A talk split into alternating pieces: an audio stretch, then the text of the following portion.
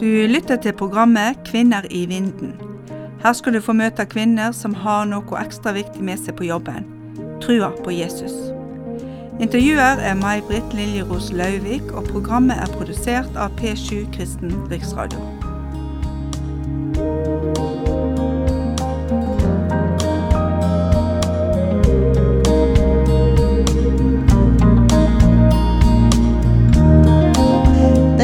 Den som er i vinden i dag, heter Merete Thomassen. Hva er det du arbeider med?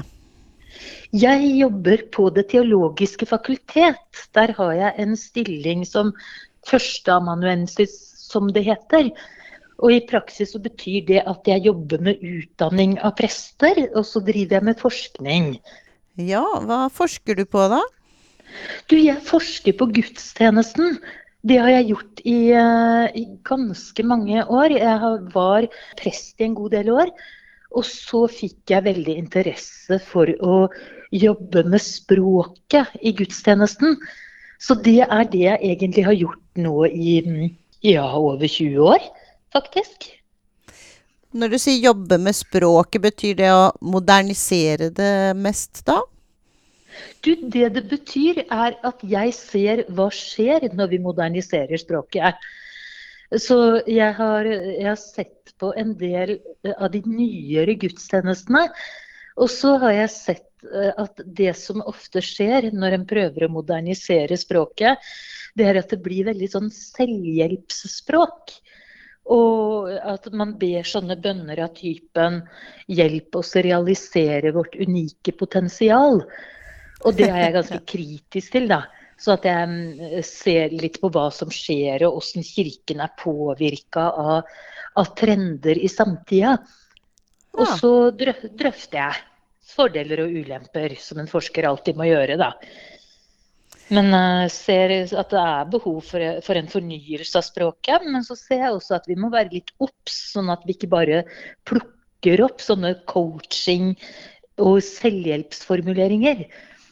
Men at vi hele tida viser at gudstjenestespråket er et annet språk. Og at vi, vi, i kirken så driver vi ikke med selvhjelp, men vi ber Gud om, om, å hjelpe oss. At det er det som faktisk er bønn. Hvilke utfordringer møter du i arbeidet? Ja, altså jeg vil si at jeg tror jeg møter mange av de samme utfordringene som de fleste mennesker møter i arbeidet. At vi, vi, kjemper for våre saker, og noen er enige og noen er uenige. Og så uh, sliter jeg med, som de, de, fleste andre, med at jeg har for mye å gjøre. Men uh, altså jeg opplever nok at jeg er i en veldig heldig situasjon som blir lytta til. Og det er jeg enormt takknemlig for. Og det gjør jo også at det er veldig motiverende for meg å jobbe. Ja, Så du synes at du er med på å påvirke, og det å påvirke folks holdning kanskje til kvinnelige ledere? Ja, altså jeg, jeg hadde en doktoravhandling om feministteologi. Og det jeg gjorde der, det var å se på gudstjenester som, som bruker et såkalt kjønnsinkluderende språk. Og det, det, innebærer at kvinner og menn skal synliggjøres. At vi ikke bare skal tiltale menigheten som kjære brødre, f.eks. Men at du bruker brødre og søstre, eller kvinner og menn, uh, jenter og gutter, sønner og døtre. Det er sånn som jeg uh, ser er veldig, veldig viktig. At kvinner blir synlige i kirken og i kristenlivet, og at det også avspeiles i språket. Og det, det, håper jeg jo kan være en støtte for mange. At noen sitter og jobber med det og, og bekrefter at det er viktig. Hvilke utfordringer syns du kvinner møter i dagens eh, samfunn? Det er jo egentlig vanskelig å svare veldig klart på det. Fordi Norge er jo et av de mest likestilte landene i verden. Så det er jo mye vi slipper som kvinner i andre land og andre verdensdeler sliter med. Altså vi, Det er en selvfølge at jenter skal ha rett til utdanning, og det er en selvfølge at kvinner kan bli ledere og sjefer. Men så er det likevel en del holdninger som gjør at det kan være vanskelig å være kvinne i arbeidslivet og i samfunnet. Uh, som f.eks. at kvinner ikke skal ta for stor plass, eller at de skal være ledere på en bestemt omsorgsfull måte. Eller at de skal eh, se penere ut enn det ofte forventes av menn. Så, og de, de forventningene de er ikke nødvendigvis uttalt, men de ligger der. Og det syns jeg er noe av det vanskeligste ved å være kvinne sjøl, og, og, for andre, andre, kvinner også. At det er ikke sagt. Det er ikke så mange som sier at kvinner ikke skal få lov til å ta utdanning, f.eks. Men hvis kvinner tar utdanning og får seg jobber, så forventes det at de skal være kvinnelige på en eller annen måte. Og alt som ikke er sagt, er ofte det vanskeligste å forholde seg til. Så det, det syns jeg det er, det er litt sånne understrømmer, litt sånn grumsete forventninger. Og det, eh, jeg tror at mange kvinner går på en smell fordi de ikke helt skjønner hva, hva, som er problemet, og tar det veldig ofte personlig. At det, er meg det er noe gærent med. Det er jeg som ikke er tydelig nok, eller kvinnelig nok, eller myk nok, eller et eller annet. Så uh, kvinner, uh, uh, kvinner, kan nok veldig ofte oppleve at det er, det er, noe som ikke stemmer i min måte å være på, men jeg får ikke tak i hva det er. Det tror jeg er en utfordring som vi har mye av i Norge. Du Merete, hva, hva, er det du brenner mest for? Du høres ut som en engasjert dame. Jeg er jo engasjert i veldig mye. Hva brenner jeg mest for? Jeg brenner mest for nåde, tror jeg. Altså at jeg brenner aller mest for det å, å forkynne det kristne menneskesynet. At vi er skapt i Guds bilde, og at alt er gitt oss. Så midt oppi en sånn hverdag da, hvor veldig mange i Norge kan si at jeg, jeg, har det så godt, men jeg er ikke glad. Det er et eller annet som ikke er bra. Så tror jeg det handler mye om ja, at vi presser oss sjøl og, og, og, føler at vi, vi skulle gjort så mye mer. Og så kommer evangeliet inn med nåden om at det er godt nok, og at vi bare skal ta imot. Det er nok det jeg brenner aller mest for, fordi jeg trenger det så inderlig i mitt eget liv. Og skulle ønske at mange, at eh, mange andre så det samme. Opplevde det samme. Du sa at du jobber litt mye, men hvis du har litt fritid, hva gjør du da? Jeg er ikke sånn som har sånn bestemte interesser. Altså, det er ikke sånn at jeg går på um, porselensmalerkurs eller eller noe sånt noe. For meg så er det å ha fritid Jeg har mye fritid, altså. Så det er ikke noe synd på meg. Da er det å være sammen med venner, kjæreste, familie er veldig fint. Være ute, gå tur, gå ut og spise. Veldig glad i å gå på kino, teater. Og så er jeg veldig glad i musikk. Høre på musikk og synge litt sjøl. Det, det liker jeg veldig godt. Ja, men da skal du få velge en sang som du liker, da. Å ja, det, er, det, var et vanskelig valg. Jeg liker jo veldig, veldig mye. Men det er en musikksjanger som ligger hjertet mitt veldig nært, og det er amerikansk gospel og jazz. Og jeg syns at det er utrolig mange flotte, flotte, amerikanske kvinnelige sangere. De hører jeg en del på. Sånn Billie Holiday, Aretha Franklin. Og så har jeg valgt da en som faren min faktisk var veldig opptatt av. Og det er Mahalia Jackson, som var en av de viktigste eh, kvinnelige gospelartistene. Og det var et veldig vanskelig valg, men jeg har endt opp med en spirituell som er eh, nokså gammel. Og den heter Deep River. My home is over Jordan.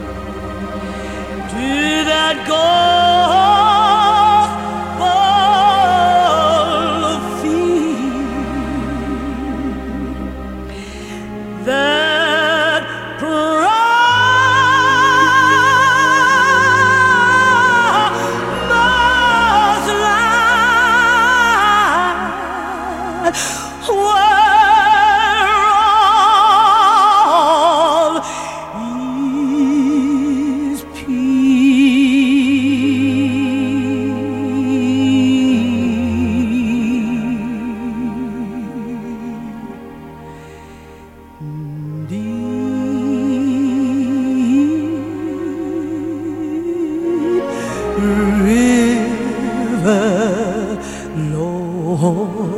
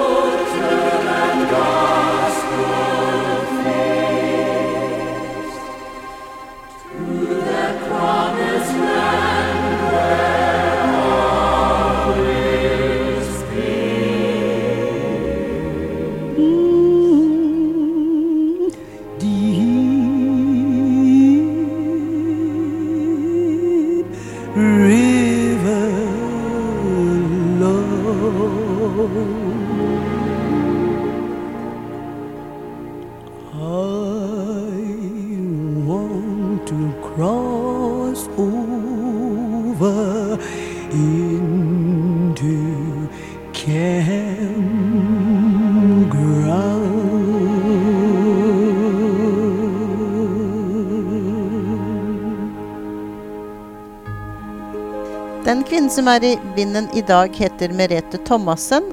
Hvordan ble du en kristen? Jeg er født og oppvokst i Den norske kirke, så jeg vil si at jeg ble kristen ved dåpen. Men så har jeg en litt spesiell historie, fordi mine foreldre de var eh, sånn, hva skal vi si, de var vanlige folkekirkekristne. De var medlemmer av, eh, av statskirken, og jeg, vi ble sendt på søndagsskolen og sånn. Men de opplevde nok at de hadde en lengsel i seg. Sånn at begge to fikk en ganske sånn radikal omvendelse da jeg var fire år. Og det husker jeg veldig godt. Og det snakka de veldig mye om da vi ble kristne. Og sjøl om jeg bare var fire år, så kan jeg huske at det skjedde noen forandringer i barndomsheimen. Som gjorde at vi begynte å ha eh, andakter. Og, eh, og som gjorde at vi, vi begynte å gå i kirken sammen som familie.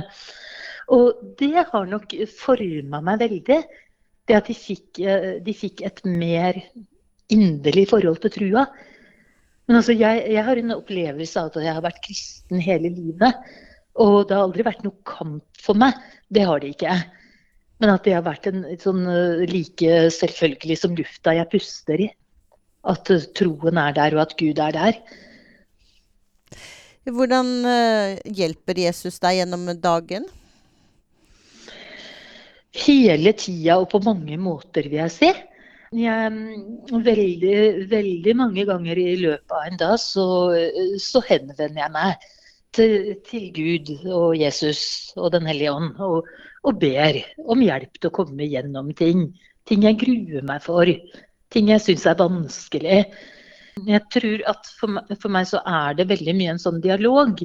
At jeg veit at jeg suller ikke med mitt på egen hånd, men at, uh, at Gud er der hele tida og bryr seg om hvordan jeg har det. Har du opplevd noe spesielt i ditt kristenliv? Det jeg har opplevd i mitt kristenliv, var en stor befrielse som lå i at jeg slutta å forvente spesielle opplevelser i mitt kristenliv. Altså, jeg, jeg kommer jo fra, fra en vekkelseskristendom eller en, en, sånn lavkirkelighet, hvor det veldig ofte var et tema. Har du opplevd noe spesielt med Gud? Og jeg syns egentlig ikke jeg opplevde de store tinga. Altså jeg, jeg, hadde min tro og mitt gudsforhold, og, og, det å gå i kirken var veldig viktig for meg helt fra jeg var liten. Og da jeg sjøl begynte å studere teologi, og det var ingen selvfølge, for i min bakgrunn så var de fleste imot kvinnelige prester. Så det var, det var virkelig ikke selvsagt. Men da ble jeg veldig sånn bestyrka i at gudstjenesten og det, den jevne deltakelsen i, eh, i gudstjenesten, det er nok. Og at jeg ikke trenger å leite etter de store opplevelsene. Så eh, for mitt vedkommende så er jeg nok et veldig sånn liturgisk menneske. Og har opplevd det som en stor befrielse. Og ikke hele tida skulle ransake mine egne følelser og mitt eget gudsforhold. Men å vite at jeg, jeg mottar nåden hele tida og at jeg lever i det gudsforholdet. Ja, altså du ble kvinnelig prest, ja. Og da lurer jeg på, har du møtt noen uh, utfordringer der, da? Og hva tenker du om andre kvinner sånn i kristent uh, arbeid? At det tenker jeg veldig mye om, fordi det har jeg absolutt opplevd. Jeg ble ordinert til prest i 1995, og da, da hadde det vært kvinnelige prester en god del år. Og, så det var ikke så sånn eh, oppsiktsvekkende å være kvinnelig prest. Men jeg opplevde absolutt motstand, og, og også forventninger som gikk, eh, gikk, på at jeg var kvinne. Og så jobber jeg jo med studenter, da, og, og, og er jo venn med en eh, haug med andre kvinnelige prester, og har jo veldig mye med, med kvinnelige prester å gjøre. Og nå har jo nettopp vært en stor arbeidslivsundersøkelse blant kvinnelige prester som viser at uh, kvinnelige prester opplever veldig mye rart. Altså Én ting er motstand. Det, det, opplever nok en del. At, I hvert fall i visse områder av landet så er det fremdeles uh, kvinneprestmotstand. Men, det, men, de opplever også veldig, veldig, mye sånne rare ting. Altså Mye sånn kommentarer på utseende og kropp og en hånd som legger seg på steder på kroppen uh, hvor den absolutt ikke skulle vært. Og, og litt sånn blanding av flørting og uh, ubehagelige opplevelser. Men altså, det sies jo at kvinnelige prester er i ferd med å overta kirken, og det er ikke sant. Fordi fremdeles så er det rundt 30 eh, Det øker sakte. Men mannlige prester er klart i flertall og vil fortsette å være det. Så vi er ikke ferdig med den debatten. Den tror jeg vil komme opp igjen og igjen. Men på nye måter, kanskje. Kan du nevne en kvinne i Bibelen, og hvorfor du ser opp til henne? Altså, en av de fineste, morsomste og rareste tekstene jeg veit om, står i Lukas 18, 1-8. Det er fortellingen om enken og den urettferdige dommeren. Og det er en litt sånn anonym kvinne som har mista mannen sin, og da mister hun også eh, det meste av det hun eier. Og så er det en dommer som som ikke er god. Det står at han ikke fryktet Gud og ikke tok hensyn til noe men menneske. Og så står det videre at i samme by så var det en enke som stadig på ny kom til ham og sa Hjelp meg mot min motpart, så jeg kan få min rett. Altså fordi hun hadde helt klart ikke fått det hun hadde krav på etter at hun mista mannen sin. Og han, øh, han gidder dette, han dommeren.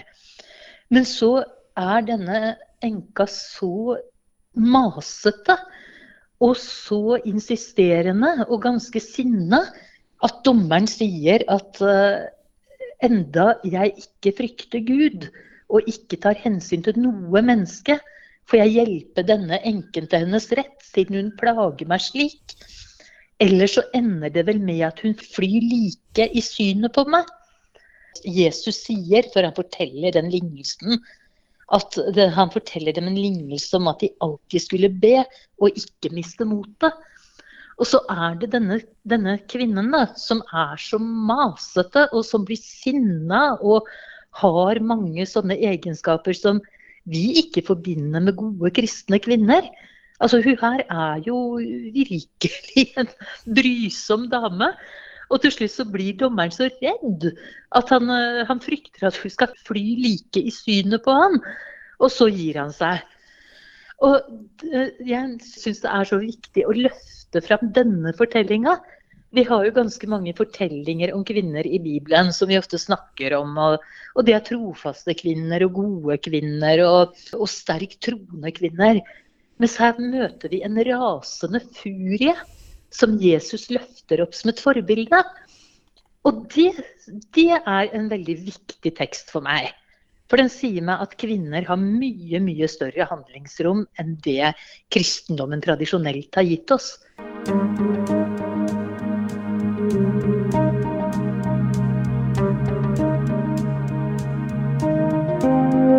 Du har lytta til programmet Kvinner i vinden.